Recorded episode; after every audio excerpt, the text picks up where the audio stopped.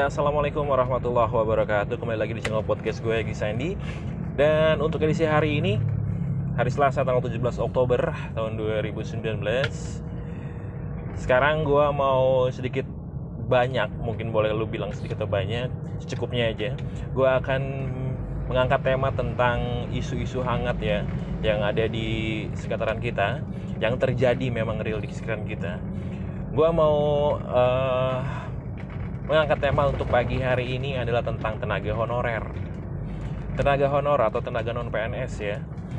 Yang sekarang gue banyak cerita, gue banyak baca-baca gitu ya di website apa pun di koran, sedang memperjuangkan nasib-nasib mereka ya.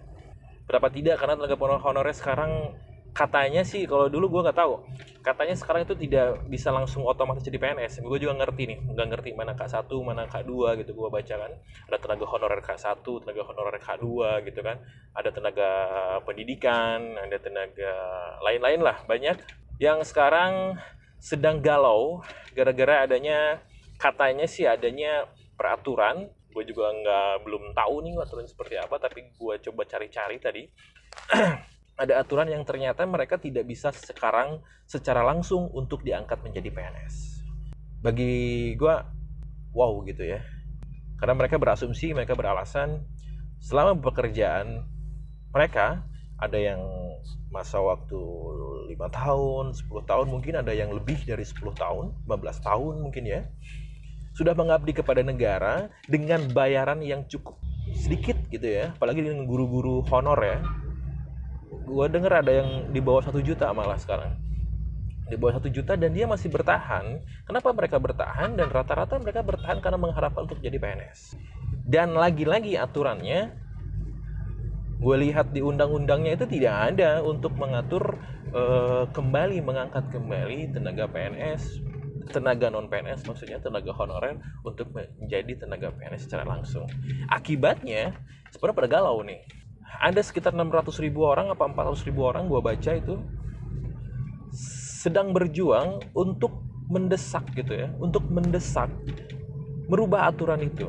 Nah agak seru gitu ya bahasan kita kali ini.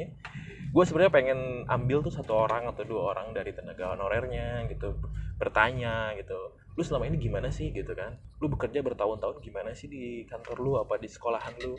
Karena kalau yang gue baca itu informasi ternyata satu sekolahan misalkan ya satu sekolah dengan komposisi guru yang ada tidak ideal gitu timpang. PNS-nya sedikit tapi honornya banyak. Dan yang bekerja yang mengajar itu adalah tenaga-tenaga honornya. Tapi kalau dari segi pendapat jelas dong berbeda. Yang PNS dapatnya berapa gitu kan mungkin yang tenaga honor nggak sepertiganya mereka dapat. Nah harapan mereka adalah ada upaya-upaya dari pemerintah untuk memperhatikan mereka gitu. Dan sekarang dari beberapa perkumpulan, aliansi-aliansi, kumpulan tenaga honor, dari guru, dari bidan, dari kementerian sedang berusaha untuk memperjuangkan e, nasib mereka. Gua kira harus bergabung ya. Memang kalau aturan, kalau berbicara aturan semuanya juga harus mengikuti ya. Tapi toh apakah mereka akan mengalah gitu ya. Pengorbanan yang mereka miliki dengan loyalitas yang mereka miliki gitu. pemerintah tapi tidak punya solusi. Punya bro. Pemerintah punya solusi itu apa namanya? P3K ya. P3K apa ini? Buat kecelakaan atau apa gitu peringatan pertama apa? Pegawai dengan perjanjian kontrak. Nah, itulah yang ditawarkan, solusi yang ditawarkan oleh pemerintah kepada tenaga-tenaga honor keren juga ya.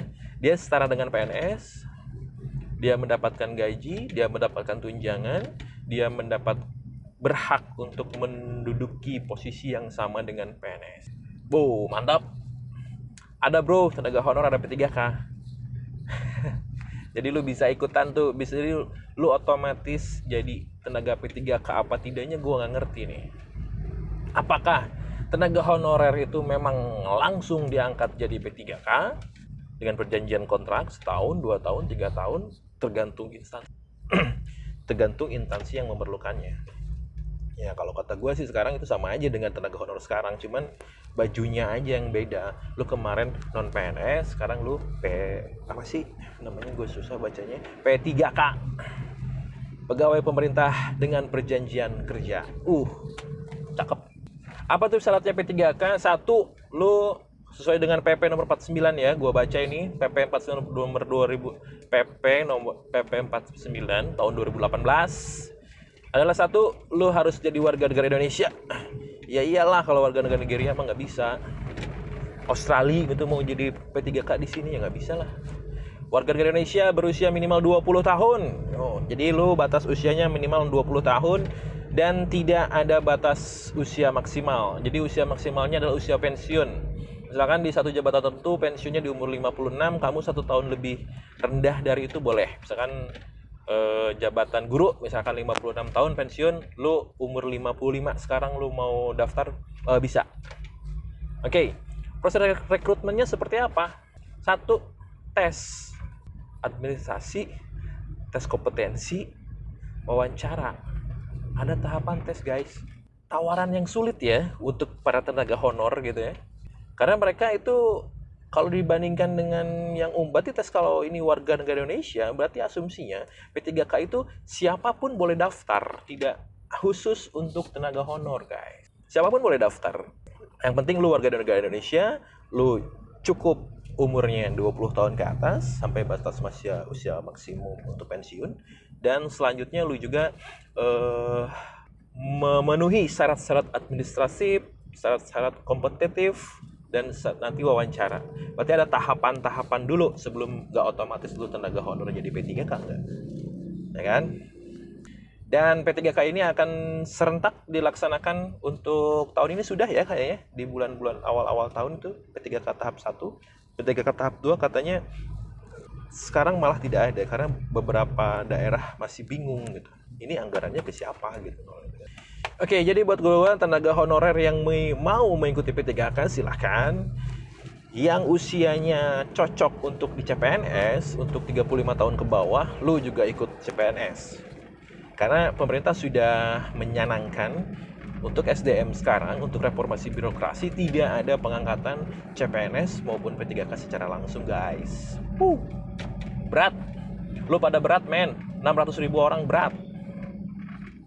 Iyalah, lu tahu misalkan lu bidang guru atau lu bidang kesehatan misalkan ya nah lu udah paham tuh bagaimana manajemen puskesmas gitu ya lu tahu ngambil obat di sini lu memang kerjaan sehari-hari di sana dan at least lu harus tes dengan yang memang soalnya tes kan PWK pengetahuan umum wawasan kebangsaan gitu kan. Ya lu harus belajar lagi. Kalaupun lu belajar lu tiapnya lawan orang-orang baru tuh fresh graduate masih encer-encer. Tapi lu jangan berkecil hati men.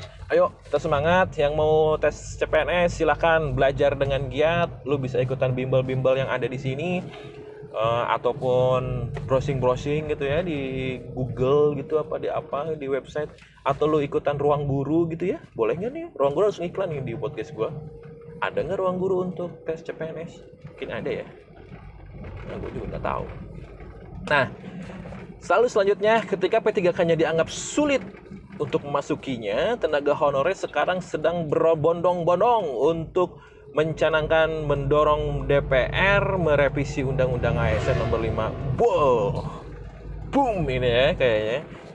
Mereka udah sabar sekian tahun, eh, udah kayak lagu aja, sekian lama. Sekian lama mereka menunggu dan ternyata tidak ada pengangkatan PNS secara langsung. Dan akhirnya mereka mencoba untuk mendorong revisi undang-undang ASN-nya aturannya men yang mereka rubah. Keren. Gue salut sama mereka dan percepat mendorong ini tahapan RU yang dirubahnya itu ternyata keren abis nih. Yang mereka dorong adalah draft RUU ASN yang sudah dibahas di pemerintah oh dibahas di DPR Republik Indonesia. Tapi DPR-nya baru. Dorong lagi dong yang keras dorongnya. Enggak maksudnya DPR-nya baru semuanya baru mungkin gua nggak tahu kalau PR itu dilanjutin apa udah tutup buku aja gitu. Kalau kalau PR sekolahan kan gurunya ganti ya nah tetap dilanjut gitu ya besok PR gitu kan. Tapi ini nggak tahu kalau gua di pemerintahan seperti apa. Misalkan DPR-nya ganti lu otomatis ini lu punya utang nih beresin RUU yang kemarin-kemarin. Nah kalau seperti itu ya mungkin bisa didorong lagi oleh teman-teman tenaga honor ya. Uh, isi yang mereka akan dorong adalah lebih berat ke pasal 131 men ini gue lihat nih pasal 31 adalah pasal 131 131 A ayat 1 tenaga PNS tenaga non PNS tenaga honor yang bekerja terus menerus bekerja terus menerus diangkat secara langsung menjadi PNS bravo. Mereka yang perjuangkan ini ya. Karena mungkin mereka mengetuk hati wakil-wakil rakyat yang ada di DPR atau pemerintahan yang selama ini mereka bela mengetuk hatinya untuk mengingat, menimbang gitu, memutuskan bagaimana solusi terbaik, ya angkatlah mereka secara langsung. Kompetensinya nol, ya atau sekolah kan gitu. Kompetensinya iya diikutin pelatihan. Karena gue yakin dengan loyalitas mereka, dengan pengorbanan mereka, mereka layak untuk diperjuangkan. Wow, mantap. Sekian podcast gue hari ini. Mudah-mudahan ada solusi yang terbaik gue doain buat mereka, buat teman-teman tenaga honor yang lagi berjuang memperjuangkan percepatan revisi undang-undang ASN. Selamat siang, assalamualaikum warahmatullahi wabarakatuh.